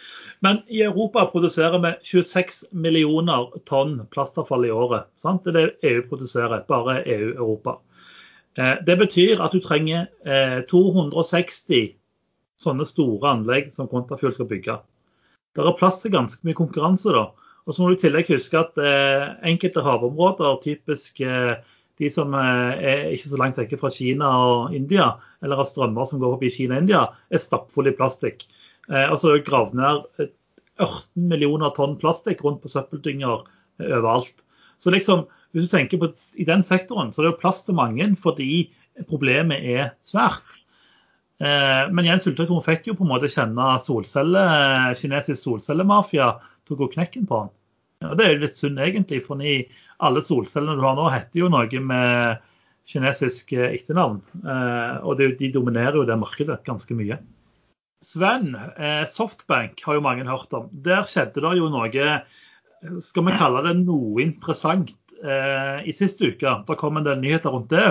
Eh, og Vi har sett veldig mange av lytterne, men òg på ekstramester, folk lurer på hva, det egentlig Softbank gjorde. De, de kjøpte masse opsjoner og, og, greier og i aksjer de satt i. og Kan du fortelle litt om hva, hva de har gjort, sånn litt sånn teknisk, så folk skjønner litt hva, hva denne sinnssyke manøveren de har holdt på med? Uh, ja, Softbank det er vel egentlig et fond, er det ikke det? Eller en, en, en eier av flere høyteknologiske fond, på en måte de investerer i teknologi hovedsakelig. Eh, og det de har gjort da, På USA-børsen der har de kjøpt masse calls, altså kjøpsopsjoner i de store amerikanske teknologiselskapene. Eh, out of the money-kjøpsopsjoner. Eh, det betyr at kursen må opp for at de skal få noen verdi på forfall. Og det som da har skjedd, De har kjøpt og kjøpt og kjøpt. Og de som har utstedt disse opsjonene, hvis de ikke har hatt aksjene fra før, så har de måttet kjøpe de eh, inn i markedet som sikkerhet for de posisjonene som de har, har solgt til de som har kjøpt opsjonene, i dette tilfellet Softbank. Eh, har, eh, og Softbank har bare eh, økt dette bettet etter hvert som eh, kursene har eh, steget. Og de satt vel på en, en Ja, de hadde vel en 50 milliarder dollars hva det heter for noe når du er, når du er ekspo, eksponering. Eksponering, Eksponering ja. Eh, mot eh, disse teknologiaksjene. Eh, selv om de uh, da ikke hadde brukt så mye penger som 50 milliarder for å kjøpe disse opsjonene. De satt vel på en urealisert gevinst på rundt 4 milliarder dollar som følge av dette her, når det toppa seg. Men når dette ble kjent, da, så var det jo noen Altså, markedet er, skal jo være effisient. Og Da var det jo noen som fant ut oi, det er de som har gjort dette, og da går vi imot de, da må de selge. Og så får du den effekten nedover som du så på Nasdaq et par dager i, i, forrige uke. Så det var vel egentlig det som, det som hendte. Egentlig er det litt interessant, fordi når nyheten kom, så var det jo mange som trodde at oi, hele, hele tech-sektoren er på en måte drevet av Softbank sin hva som kaller det, bloddoping. Eh, og mange solgte jo på fredag og forberedte seg på at her blir det Bloody Monday og alt går gale. Men det virker ikke som markedet på en måte har brydd seg noe om denne nyheten. Det er litt sånn å ja, kult. Godt jobba, lykke til, la oss gå videre. Jeg tror beløpet egentlig er for lite til at det skal ha så veldig stor innvirkning. Uh, altså 50 milliarder dollar i eksponering uh, på Nasdaq. Nei, jeg vet ikke om det er nok. Nei, kan være enig i det. Men det du, det du det de kan være hvis de er smarte. Altså, nå er det jo utrolig mange sånne ETF-er, Electronic Tradable Funds, altså, som, som sitter og følger med, må, må følge opp altså, Hvis, hvis enkeltselskap i hvert fall går opp da, og vekter seg mer i, i i, i indeksen, eh, så må de inn og kjøpe den for å følge indeksen som sånn. Også. Kan det være at de, de har brukt dette her også og, og sørga for å trigge noe ETFs eh, på det òg, eller? Det, det, vil jeg tro, fordi at ETF-ene i stor grad de er jo større enn uh, underliggende av og til. Eh, sånn at eh, de, hvis de da er mye større enn det underliggende, så må jo det fondet i, i nominelle penger øke veldig mye i eksponering. Ja. Og med å kjøpe disse aksjene i markedet, så du får en vanvittig sterk effekt på, på, på den måten. Ikke sant? Sånn, en, Eller? Nei, det var bare, bare at den, den softbanken, også, hvis, det, hvis, hvis, de har sett der og gjort det smart, så kan man altså booste sånn at andre aktører også må inn med veldig mye penger, og alt blir selvforsterkende. Og så ser den nye store armeen av uh, privatinvestorer som har tilkommet også um, under covid, også ser at dette her bare går opp, opp, opp, og så, og så hiver alle seg på. Det, det, var vel også en gulrot i enden av uh, det veddemålet. Uh, at man regnet med, antok at uh, Tesla skulle inn i SNP 500. Og hvis den hadde blitt tatt opp der, det ble den ikke, da ville fond, indeksfond ha måttet kjøpe seg inn. Så da var vel kanskje en del av veddemålet til Softbank at de kan pushe kursen opp og selge ned til disse fondene som da måtte kjøpe. Mm. Men det, som... Og det, det, er ikke sikkert at det bare var Softbank heller som drev på med dette. her. Det kan jo være at noen har snakket sammen. Ja, Saudi-Arabias eh, et av de store fondene de har høyst sannsynlig gått inn med tilsvarende beløp. Det vet vi ikke, men vi kan spekulere. Det, det, det som er interessant her, er at eh, denne måten å holde på minner veldig om det som har skjedd på en del av disse kryptobørsene når man på en måte pusher hele kryptomarkedet, så gjør man litt lignende. Bare da bruker man giring, for da får man jo 50-100 gangers giring. Så du på en måte med lav eksponering kan generere ekstremt mye volum for så å pushe, pushe kursen. Eh, så jeg er jo litt overraska at på en måte én, det er tillatt å gjøre det på en eh, skikkelig børs, men òg at Softbank, som egentlig er et stort, renommert, eh, anerkjent selskap, gjør det. Men OK, det er tydeligvis lov, eh, så da er det greit. Men eh, jeg syns jo det er litt på kanten å på en måte drive og spille systemet så mye. Ja, men eh, mens jeg husker det. Han som sto bak denne strategien i Softbank, var den samme personen som eh, råda Softbank til å ta posisjon i Wirecard. Så det kan jo si litt, da. Ja. Eh, lite poeng. Eh, for de som har hørt sendingen, de vet at meg og Sven snakket om BASF opptakskassetter for 10-15 eh, minutter siden. Har dere sett på tradingchatten til Ekstramester hva Robert har skrevet der nå?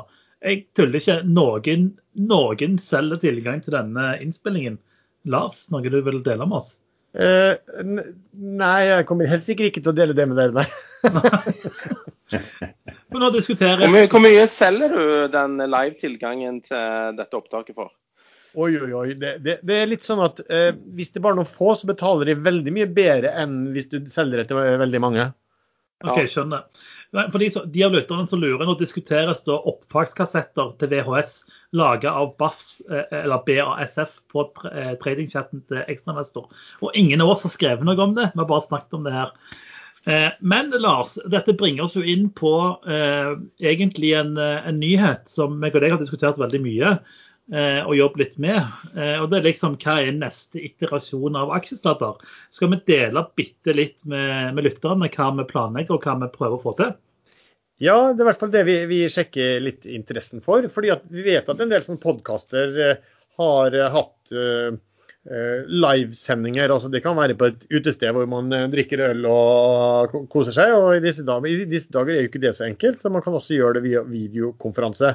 Så det vi bare startet med, vi tok et lite spørsmål ut. Vi har jo mm, en, en gruppe på Facebook som heter podkasten Aksjesladder. Og så har vi også en ekstremister, også en gruppe på Facebook som heter Børsforum. Og i de gruppene spurte vi folk om de hadde lyst, kunne være interessert i å delta enten altså fysisk live på et utested, eller ved å se på videokonferanseinnspilling eh, av aksjesladder mot eh, inngangsbillett. Eh, og det, ja, det var, var, vel en 300 eller noe sånt som jeg så hittil hadde klikket for at det kunne de være interessert i. Så ja, vi, vi har vel kanskje planer om å se om vi kan få til noe sånt. Så får vi se interessen. Jeg har sett sånne eh, folk som driver på med sånne drunk streams. Så hvis vi kunne slått det sammen, så tror jeg det kunne blitt en hit. Ja, altså ja. det er klart at Skal vi ha det på et utested, så jeg, jeg tror vel ikke altså, Gitt at det blir promilleløst. Men, eh, men, eh, det vi kan på en måte si er jo at Aksjesladder live eh, jobbes aktivt med, og sannsynligvis skje i løpet av høsten. Vi hadde jo ikke episode sist fredag, og det var litt synd, fordi det var jo en relativt spennende sak som dukket opp, nemlig Next. Erlend og Lars, dere var jo kan vi kalle det direkte eksponert, iallfall Erlend. Eh, hva, skjedde egentlig next? Og det var jo litt morsomt, syns jeg. Ja, jeg kan starte, Erlend, så kan du, du si hva som skjedde sånn tradingmessig. Men, men eh, DNB hadde en eller annen konferanse om det var for teknologiselskap og litt sånt der, hvor Next var en av de som eh, presenterte seg. Eh, og der var det også journalister da, fra TDN Finans som da siterte toppsjefen der på at selskapet så for seg at de kunne være eh, break-even. Jeg husker ikke om det var andre halvår eller om det var siste kvartal eh, i fjor. Eh, og det mm, ville jo være veldig oppsiktsvekkende. Eh, så kursen eh, begynte jo å gå på det. Så kan du si hva som, hva som da skjedde, Erlend? Ja, det var bra du oppdaterte meg litt, for jeg hadde jo helt glemt og Dette er jo lenge siden. To uker i tredje verden er jo evighet. Um, det toppsjefene påstår at CFO sa, var at de har redusert kostnadene såpass mye at de kan nærme seg break-even uh, i et par av de neste kvartalene, men at det ville bli litt turbulent. Å nærme seg break-even er jo langt fra å være break-even. Så men eh, jeg vil tro at her har CFO snakket litt for mye, kanskje litt privat etter en sånn seanse. Det skal, det skal egentlig mye til at en finansjournalist klarer å misforstå en uttalelse så grovt. Men jeg skal ikke plassere sjøl. En, en av de har eh, påstått noe feil, og kursen sted gikk jo rett til værs, og så ramla den rett ned igjen.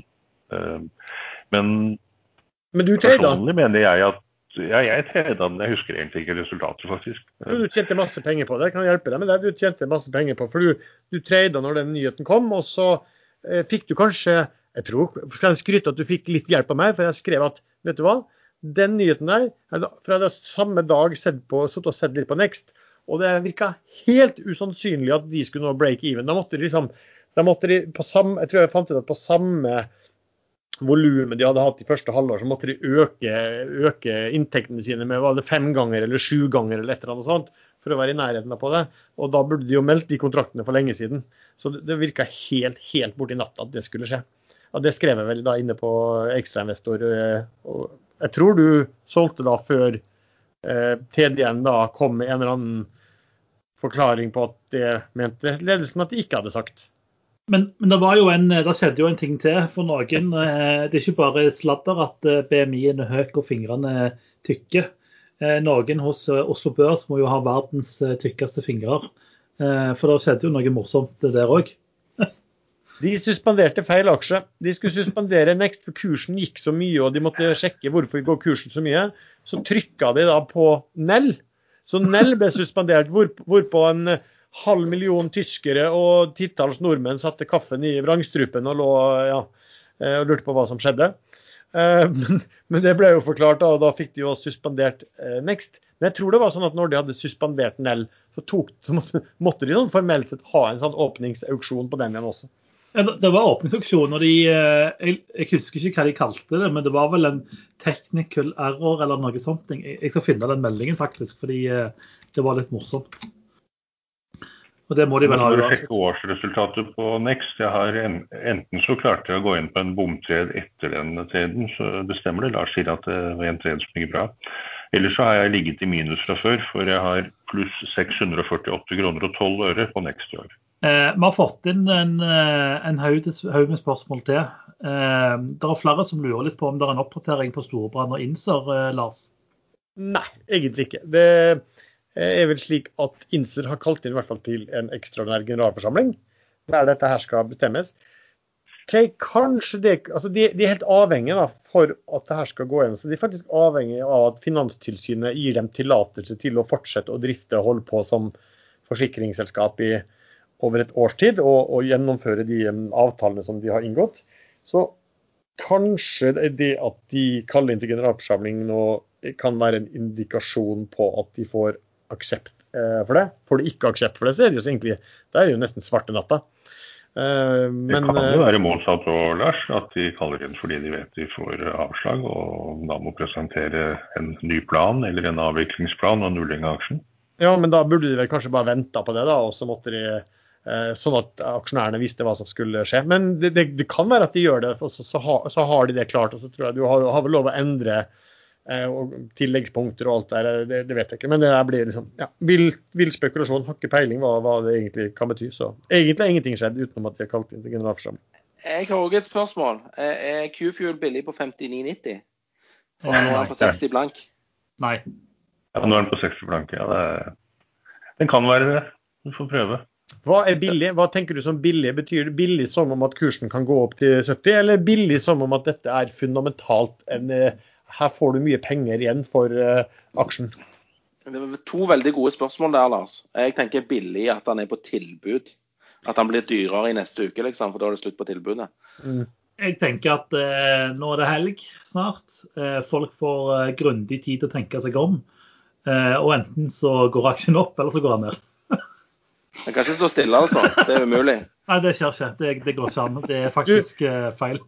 Du Erlend, jeg tror uh, det er en jobb til deg. Du kan bli sånn aksjestrateg i en av storbankene, hører jeg. Ja, jeg hører det. Men, men, men, du må ta med den i midten, midt imellom også, som, uh, som Sven kommer med. Nei, men det, det, det, det, er sånn kjedelige strateger. Du må liksom ha enten rett opp eller rett ned. Men eh, til alle våre lyttere som stiller spørsmål. Eh, det neste spørsmålet her er stilt på helt korrekt måte. Vi får veldig mye spørsmål, eh, og det er ikke alle vi får tid. Men bare, bare hør på dette spørsmålet, så, så, skjønner dere hvordan du må stille spørsmålet for å få svar. Og det er Hva tenker unge, lovende Henriksen om Bergen Bio?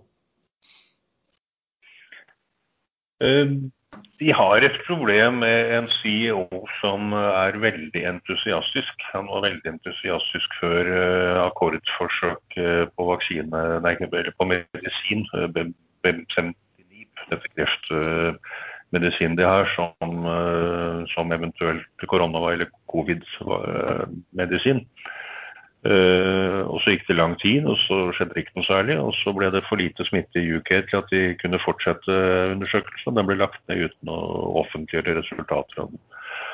Og Nå har han gått ut igjen for et par uker siden og sagt at de er i forhandlinger med et annet land om å starte forsøket på nytt der. og han regnet med at den avgjørelsen ville komme i løpet av uken, uh, eller neste uke. og Det sa han vel på en fredag. Uken gikk, og nå har det gått en uke til.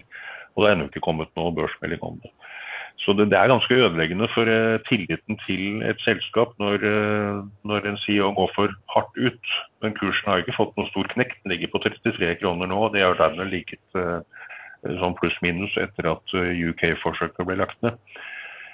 Så jeg tror sannsynligheten for at de får en avtale med et annet land, høyst sannsynlig India vil jeg tro, for de sliter veldig.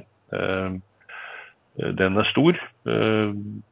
Men det er jo ikke sikkert kursen vil gå så mye på at de melder en avtale. For nå har jo markedet lært litt at eh, det tar tid før fra de melder en avtale til de ser resultatene av avtalen. Men jeg har eh, veldig sansen for Bergen Bio som selskap. De har eh, underliggende alle kreftforsøkene sine. Det er vel tre-fire av dem forskjellige typer kreft som ligger under dette koronahysteriet, hvis man skal kalle det det, sånn aksjemessig. Så Den har en begrenset nedside, men den kan godt falle under 20 kroner hvis det viser seg at den ikke virker mot covid. Det var der den kom fra. Du Kan jeg få sende en hilsen til han som sendte inn spørsmålet? Eh, ja. Jeg syns det at han betegnet Erlend Henriksen som unge lovende, var et glimrende eksempel på bitende ironi. Oi sann! Den var Der tror jeg du tar feil, Lars. Der tror jeg du tar helt feil. Det er du som, har sendt, nytt, det er du som har, har sendt inn selv, Erlend. Erlend. Det er du som har sendt inn spørsmålet selv. Nei, det står på, på gruppa vår. Jeg, eh, nå skal ikke, nå skal ikke henge ut noen, men uh... Jeg har jo sett fotballspillere på nesten 30 år som uh, fremdeles omtales som et ungt, lovende talent. Og det er jo 30 år, da er du jo nesten død som fotballspiller. Jeg har bare tatt over litt slemmerollen fra Slemme Egil. Oi, nå ringer det her. Nå ringer den trådtelefonen din, den sånn, ja. Lydløs. Beklager, jeg trodde jeg hadde gjort det. Det, det er de som abonnerer på livesendingen oh, som uh, ringer inn klage fordi at uh, nå har vi sporet helt av og ikke kommer med konkrete aksjetips. Nei, men vet du hva? Da, eh, da kan vi ta et aksjetips. Jeg, eller ikke tips, men jeg skal jeg, Vi fikk jo litt Eller noen i panelet, eh, vi skal ikke nevne navn, Sven, eh, klager jo over at eh, vi alltid snakker om de samme aksjene. derfor blir noen, skal ikke nevne navn, Sven, litt grinete av og til. Eh, så jeg som programleder har tatt på meg eh, tatt ansvaret. Jeg har tatt fakkelen. Jeg har tatt eh, jeg, Vi må finne nye aksjer å snakke om. Quantafuel var første aksjen ut. og Den jo, var jo hyggelig og gøy å prate om. Det ble en bra diskusjon. Og Denne uka har jeg sett på en ny aksje i en ny sektor. Så jeg har lyst til å prate om den da, hvis jeg får lov. Så jeg Sven har muta faktisk, så brensure. Det, det er bra, det liker. Eh, og det er KID. KID Interiør. Eh, eh, med tikkeren KID, KID, notert på Oslo Børs. Seriø Seriøst? Yes. Og du kommer til å bli overraska. Du kommer faktisk til å dra opp traderen din og se om alt jeg sier stemmer. Og så kommer du til å legge en ordre når jeg er ferdig å prate, fordi dette var så bra aksje. Det er ikke lov. Nei, det er faktisk ikke det. Det er helt sant. Det må vi klippe vekk. Men eh, KID eh, havner i den kategorien eh, over aksjer som jeg syns Eh, kjedelige, men stiger jevnt og trutt. Eh, og det kan jeg vil ikke kalle det en trygg havnaksje, men det er i forhold til mye av de her galne spekulasjonsaksjene som, som mange av oss eh, eh tradere eh, havner borti, så er det ganske interessant. Eh, Lars, la oss gidde dra opp eh, siste regnskap, så kan vi ta det litt på slutten. Men bare for å ta bakgrunnen til KID. for en del år siden så ble jo KID overtatt av DNB. Eh, de, de, klarte ikke å betale regningene sine, og DNB tok over de. Eh, så kom Gjelsten og, og kjøpte Kit. Og i var det? 2015 så putta han de på børs. Eh, og han er i dag fortsatt største eier i Kit Interiør. Jeg har ikke helt eh, hvor mange prosent han eier, men hvis Erlend klarer å dra opp disse berømmelige aksjonærlistene sine, så klarer vi sikkert å finne eierandelen hans. Men han er fortsatt største, eier i Kit. Eh, og så har jo på en måte denne Det har jo vært en korona. Eh, mange trodde korona skulle ramme eh, spesielt retail ganske hardt. Men, men, Kid har på en måte holdt åpne butikkene sine hele tida og tjent ganske godt med penger. Mye av grunnen til det er at Kid styrer hele distribusjonen sjøl. De har sin egen grossist. De gjør, eh, jeg vet ikke om de gjør alle, men de gjør en stor del av innkjøpene sjøl. Som betyr at det er kontroll på hele logistikkjeden. Så mens andre gjerne sliter med at eh, leverandøren vet ikke helt når varene kommer, så skal Kit i teorien ha full kontroll på når varen til fabrikken og hvor langt den har kommet i, i løpet. Og Det betyr òg at når eh, korona kommer og du mister litt omsetning, så er det likevel lønnsomt for Kid å holde, eh, holde butikkene åpne, fordi de har ekstremt høy eh, bruttomargin. Eh, ledes av eh, Anders Kjell, tror jeg, nå kan det være jeg tuller, eh, som tidligere leda eh, XXL, eh, som er en flink fyr. Eh, siste eier er som sagt Gjelsten. Eh, de har ca. 140 butikker. De kjøper 25 nøyaktig. Hva som er 20... Holding er 25% av Kid. 25, 25 av Kid. De kjøpte i 2019 Hemtex i Sverige og Finland. Det er da en kjede som ligner på Kid, som òg har 140 butikker ca la ned 13-14-15 butikker umiddelbart. Eh, og har sagt at målet er å åpne 20 eh, butikker i året på Kid og Hemtex. De har beholdt navnet. Eh, Hemtex kjøpte de av Ica, som ikke tjente fryktelig mye penger på dem. Men når de da får putte denne, disse butikkene inn i pipen til Kid, så ser man at pengene går opp med en gang, fordi Kid har hele varestrømmen bak der. I Norge så er det eh, kun to butikkjeder i den sektoren Kid er i, og det er Princess og det er Kid. Kid er den dominerende aktøren. De har veldig fin margin, som jeg har nevnt tre ganger, og de har en ganske aggressiv vekstplan. Eh, Lars eller Sønn fikk dere opp siste regnskapet? Nei, men om du sa margin eller gardin? Margin. Hvis du sa gard, Brutt, gardin Brutto ja, fordi margin. Det er de som har denne steike fine gardiner, ikke Det er lenge siden. Ja, men eh, jeg har ikke vært i en butikk eh, aldri, tror jeg. Og ingen sånn Kid-butikk. Jeg, tror ikke, jeg, tror ikke, jeg tror ikke de er beregnet på oss, for å si det sånn. Eh, så hvis dere får opp regnskapet, for det er ganske kult, siste regnskap var fryktelig, fryktelig bra. Eh, de har gjort det veldig veldig godt i koronatida, fordi folk bruker penger på ting man har i huset. Eh, vi kan anta at folk kommer til å fortsette å bruke penger på ting de har i huset under koronapandemien, og de skal øke butikker, eller de skal ha 20 nye butikker i året. Samtidig eh, så ser, ser man at prisene på retail-eiendom, eller næringseiendom, er fallende i hele Norden. Som òg er veldig positivt for butikker. Eh, så jeg syns eh, Kid er en interessant aksje.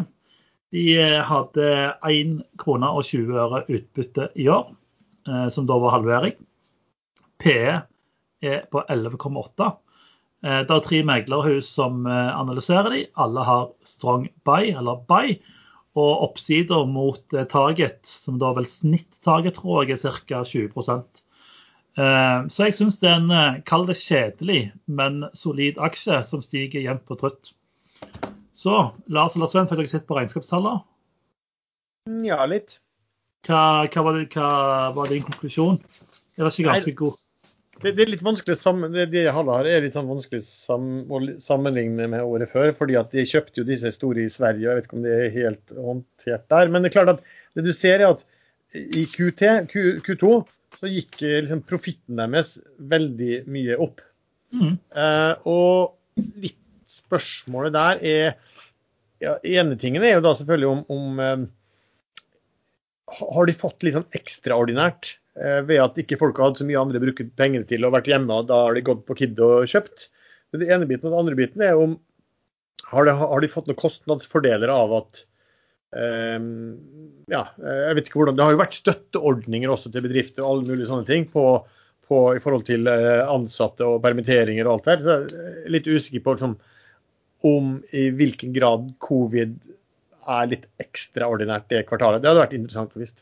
Eh, de, de, det jeg vet, Kids stengte jo aldri ned butikkene sine. De holdt de åpne hele tida pga. at de har på en måte leddet bak. Eh, Covid-støtte har ikke søkt at du kan jo søke opp alle som har fått støtte. Men det kan vi gjøre til neste gang. Det blir sikkert, eh, vi får sikkert masse spørsmål i postkassen eh, fram til neste episode. Men eh, jeg skal, skal, sjekke det opp, om de har fått noe støtte. Men, eh, jeg har en klage å komme med nå. Nei, du får ikke klage, Sven. Du har ikke betalt klagebyret ditt. Jeg spurte for et par jeg spurte for et par minutter siden er uh, Q-Fuel billig på 59,90.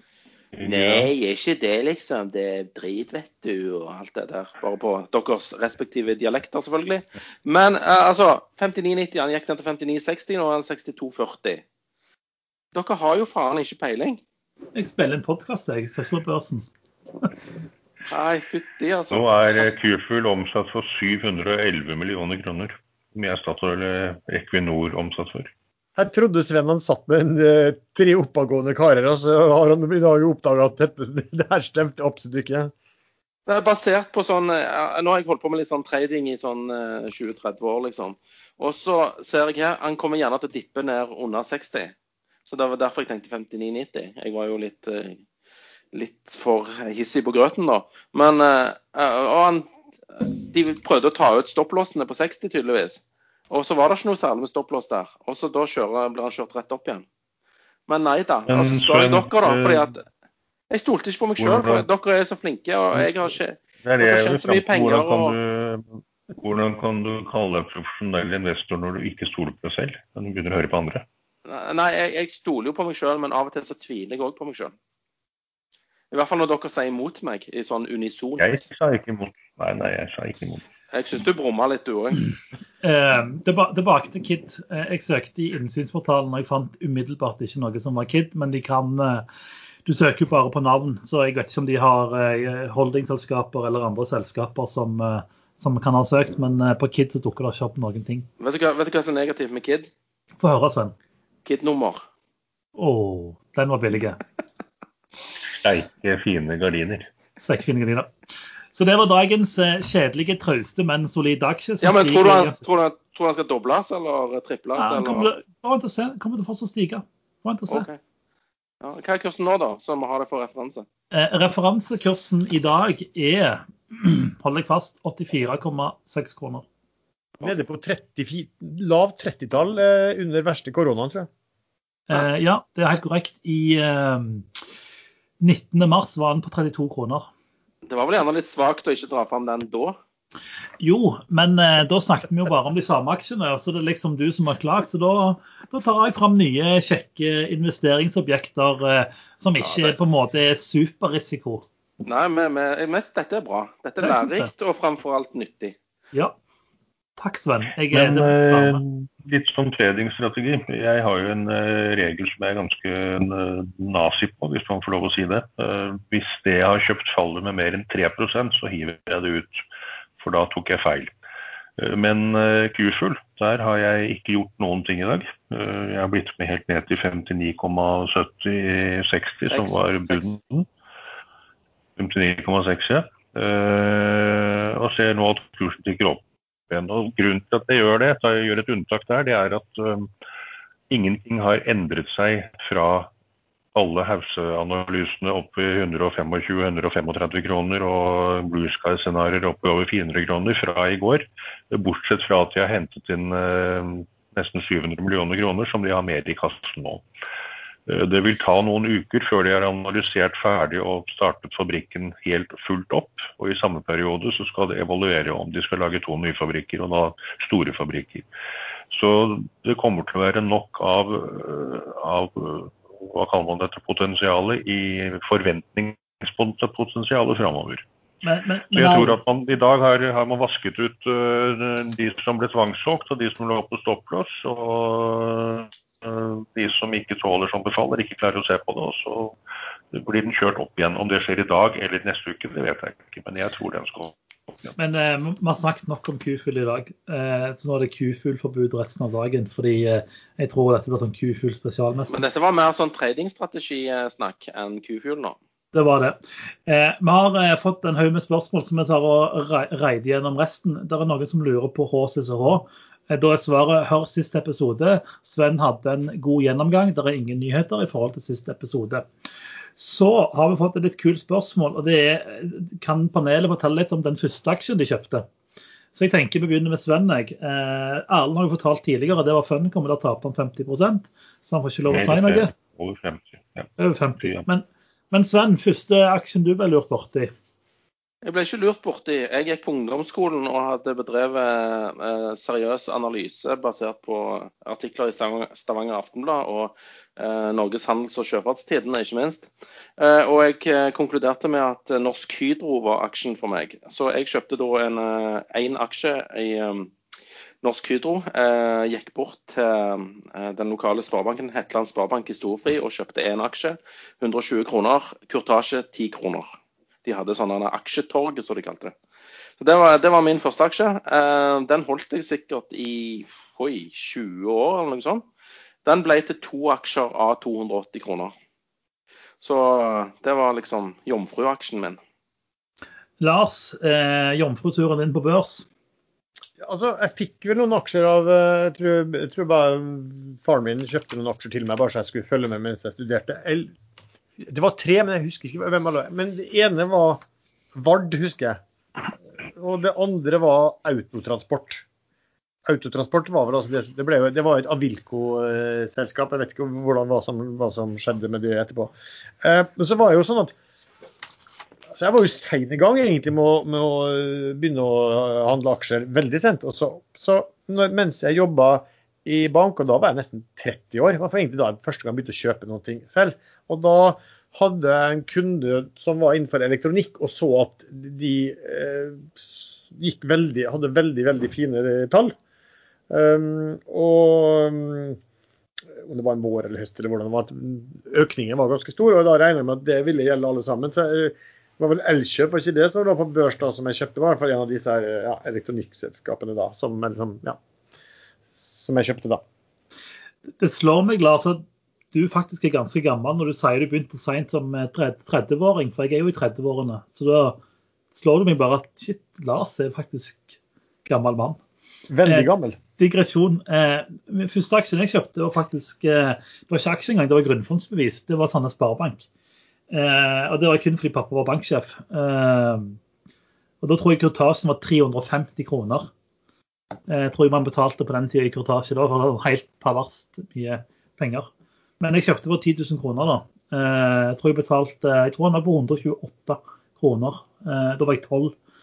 Så det var på en måte de første aksjene jeg kjøpte. Eh, de første aksjene jeg kjøpte på en måte når jeg skjønte jeg holdt på med, det var jo Funicom. Og da solgte jeg jo til Erlend. Så jeg dobla pengene, han halverte pengene. Så det var Jeg skylder han faktisk en øl for, for den. Det er det vi kaller et nullsumspill. Du dobler, og han halverer. Men den neste aksjen jeg kjøpte, da, da gjorde jeg ingenting på et men, halvt år. Dette var men, midt i ja. Spørsmålet var første aksjen, ikke andre aksjen. Den tar vi neste gang. Ja, det, det, det, det, har noe med Lars å gjøre, fordi han og jeg fant samme aksjen hver for oss. Eh, London Mining høsten eh, Når var dette? Høsten 2009? 2008? Den gikk tregangeren fra høsten til mars. Så det er ingenting før i mars, og så gikk den tregangeren på et par uker.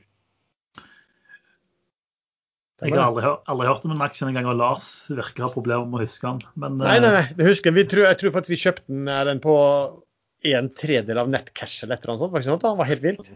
Ja. Eh, vi har òg eh, fått eh, spørsmål om ADS Lars. Eh, det vil si, Jeg fikk spørsmål, og så i parentes Lars kan masse om dette. Så jeg lurer på om du har betalt noen for å stille spørsmålet, så liksom du kan, kan framstå som en person som kan mye. Ja, det, Men, det, var, det, var, det, var, det, var, Jeg sendte den mailen via sånn fake e-mailadresse. Sånn, ja. Okay. Kåre nedi gloppen eller et eller annet. Men, jo, Nei, altså, Den er veldig enkel. Der, er fordi det er et selskap som ble satt opp og, for å kjøpe kjøpte tre gamle tankskip. Eh, og så satte de på sånne scrubbers på det, og så skulle de drive de tankskipene til de var utrangerte, som er vel om ikke mange år. Eh, selger de da og til, om det skulle opp til hugging og sånn, og sitte igjen med en hel penger. Planen har egentlig vært, eh, vært grei. Nå solgte de det ene av de tre skipene. Eh, og fikk en veldig fin pris for det. Og hvis de får det samme pris da, for de to andre skipene, så er det i forhold til um, Pareto Arctic så ligger det mellom 24 til 26 kroner per aksje. Og nå snakker de om at bare det de, den de solgte nå, kan de gi et ekstraordinært utbytte på, på um, 6 kroner per aksje, som jo da er hva er det da, 40 ja, Hvor mye det? 40, 35% kanskje av hele børsverdien i et utbytte nå. Um, så, så, så, sånn sett så ser det der veldig bra ut. Du kan liksom falle ganske mye. De verdien på de to siste kan falle ganske kraftig i forhold til uh, det de solgte nå, og fortsatt gjør det bra. Men så er det spørsmålet der, det ble ikke satt opp for at pengene skulle ut til aksjonærene. Men så alltid der, så har man en ledelse, og det virker som de nå er interessert i kanskje at de kan heller få bruke litt av pengene til å fortsette å investere. Uh, og da er jo ikke caset like hyggelig, for det man vet er at med en gang du investerer i et uh, skip, så priser markedet til, uh, til, til, rabatt. Ikke sant? Så Hvis du selger noen ting og sitter igjen med 100 millioner, og så kjøper du et uh, skip for 100 millioner for det, så vil aksjemarkedet prise til 80 millioner. Sånn er det nesten alltid. Så eier kjøpte også ADS nå etter den meldingen på, på, om, om, at de skulle, at de hadde solgt. Håper virkelig at de gjør som de har tenkt og deler ut alle pengene til aksjonærene, og at ikke en ledelse som gjerne har lyst til å sitte og fortsatt få øh, lønninger og provisjoner og hva det måtte være, prøver å gjøre noe annet. Når kommer fasiten på hva de velger å gjøre? Nei, det, det, det, det ikke, altså de, de, er jo, dette er jo, de er jo opportunistiske, dette her eh, selskapet. Altså når de har solgt én av tre båter, så kan du fort selge de to andre også.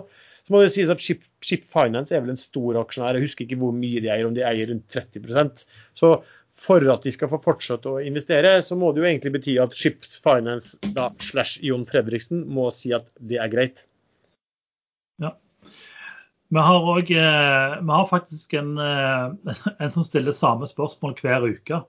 Eh, Men jeg bare lurte på, en liten, jeg lurte på en liten ting. Det var liksom ukas tips, og så er du ferdig med ditt tips, og så er det ingen Nei, andre vi har ikke hatt tips ennå. Dette var, jo, du dro jo Kid. Dette var, det var ukens aksje. Uh, ukens tips kommer på slutten. Er det Nei, fy søren, altså. Nå føler jeg meg lurt. Dobbelt lurt. Ja, vi blir lurt her. Ja. Blir lurt. Nå blir vi med lurt trill rundt. Nei, vi har en, en, en, en, som heter Fredrik. Han stiller samme spørsmål hver uke. Han bruker ca. en million emojis på spørsmålet sitt. Og han lurer på om noen har hørt om Skana, som han mener er verdens beste aksje. Eh, har, har dere peiling på Skana? Jeg har hørt om Skana, og det er definitivt verdens, ikke verdens beste aksje. Jeg tror det er nedre halvdel av eh, det siste arket når det gjelder gode aksjer. Ja. Noen andre som vil kommentere på Skana, eller skal det, få lov å være svaret til Fredrik? Ska, Fredrik, hei Fredrik. Finn deg en ny aksje. Skana er dritt. Greit, sånn kan det gå, Fredrik. Eh, han har faktisk en bæsje-emoji på, eh, på, eh, på, spørsmålet, så jeg tror du er innenfor, Sven. Nå kan du få 63,30 for de Q-Full-aksjene du kjøpte på 59,90. Ja, så Sven ikke, Sven ikke kjøpte. Han, han er sinna Sven nå. Han har gravd seg ned? Vet du hva, jeg, jeg er mer alarmert over at kursen på Skana faller nå. Eh, så vi begynner gjerne å nærme oss en, eh, hvem som har avlyttet oss. Jo, men Lars sa jo han selger jo, selger jo tilgang. Å ja, så, så han har solgt til Fredrik òg, altså? Det er helt, helt, tydelig. Ukens tips. Sven, få høre. Hva skal folk kjøpe? Eh, hva skal ikke folk kjøpe den neste uke? For du anbefaler jo ingenting, selvsagt. Jeg anbefaler absolutt ingenting. Men eh, nå har vi jo holdt på så lenge i dag at jeg begynner å bli litt sånn demotivert sjøl og, og, føler jeg ikke har nok drive for å kunne gi en bra presentasjon av, av selskapet. da. Men jeg vil bare gjerne innlede med, med litt musikk, da.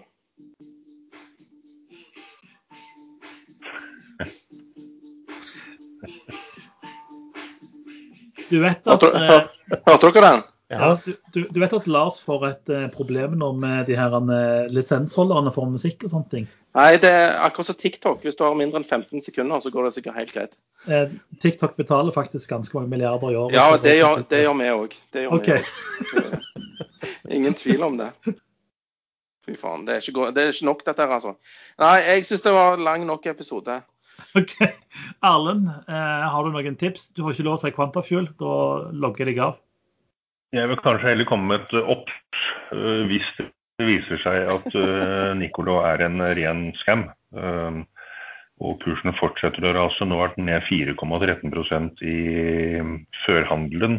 Nå åpner de vel om 12 minutter. Da kommer Nicolen, da kommer også Nell til å bli dratt med nedover. Og Hvis Nell faller under 20, da er jeg litt redd for at det kommer en del stopplås og det blir et uh, ganske voldsomt fall i den. Men sånn på sikt så har Nell ganske mange andre bein å stå på etter hvert. Så hvor, uh, hvor, mye vekt man skal legge på at DNB uh, trekker fram antatt andel av bruttoomsetning om fire år, var det vel. Når de hadde kurs på seks før de satte ned til fem. Det, det, vet jeg ikke. Enten så er det DNB som har rett, og de forstår eh, aksjen mye bedre enn alle de andre. For det er eh, flere store seriøse meglerhus som har kursmål på uh, langt over 20 i Nell. Så egentlig, hvis du eier Nell, følg godt med på hva som skjer i Nicola, for det kan forplante seg. Ja, Nicola må man følge på, på med. Eh, Lars, noe fra deg? Nei, Jeg vil bare nevne en ting når han snakker om Nicola. for Nå ser jeg akkurat det blir posta inne på chatten på Ekstrainvestor om at eh, det er ulike advokatselskaper nå som er ute og sier at eh, vi etterfor, gjør nå etterforskning av Nicola på, på vegne av eh, investorer. Eh, to her som sier det. Og ber, ber tre, og de ber liksom da investorer som har tapt så og så mye penger på Nicola, til å ta kontakt med dem. Ber om at Ja, det, det, det, skjer jo alltid. Så, vet jeg, så tror jeg de hadde kommet med et sånn lite tilsvar også. Um, Nicola, der de sier at de samarbeider med, med, Security and Exchange Commission til å få undersøkt dette, og vil egentlig heller virke ha undersøkt da, de som har lagd eh, drittpakken. Så det, men det er, vel, det er vel akkurat sånn som man kunne forvente fra, fra, fra begge parter, for å si det sånn. Ja. Lars, noen eh, tips for deg denne uka? Ja, kan være litt kjapt. Uh, LPG-selskapene, kanskje. To shippingselskap, uh, Avanse og BVLPG. de er veldig gode rater nå. De prises lav på prisbok. Hvis, hvis liksom, dagens rater, hvis det skulle vært gjeldende et år, så, så, hadde man vel tjent inn hele børsverdien på sånn i Avanse på ja, et par år, eller mindre enn det også. og så er det sånn at i, i fjor så begynte altså ratene å, eh, å, gå oppover på den perioden her. Eh, og kursene i de selskapene dobla seg vel fra august til, eh, til nyttår. Og jeg ser Pareto skriver liksom at de forventer seg nå også at, at, at meglerhusene må ganske dramatisk sette opp sine estimater også. Så da kan det godt være at det kommer også meglerhus på banen og begynner å øke kursmålene ganske kraftig på de. Så det, det syns de, begge de to ser ut som sånn anstendig bet. Veldig bra. Jeg har faktisk ingen eh, sånn tips denne uka. Gaming går veldig bra. Hadde vi hatt episode siste uke, skulle jeg ha anbefalt Ubisoft. Eh, for de hadde et event i går som jeg har snakket om både på Twitter og på Ekstranestor. Aksjen opp 10-12% siste uka. Jeg har solgt i dag fordi det er fredag og det er gøy å ha cash i banken. Oi, instrument, instrument Bergen Bio.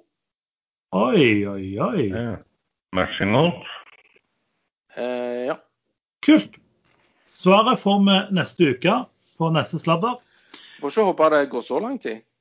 Nei, men det, vi skal jo snakke om det. Nå, skal vi, nå runder vi jo av.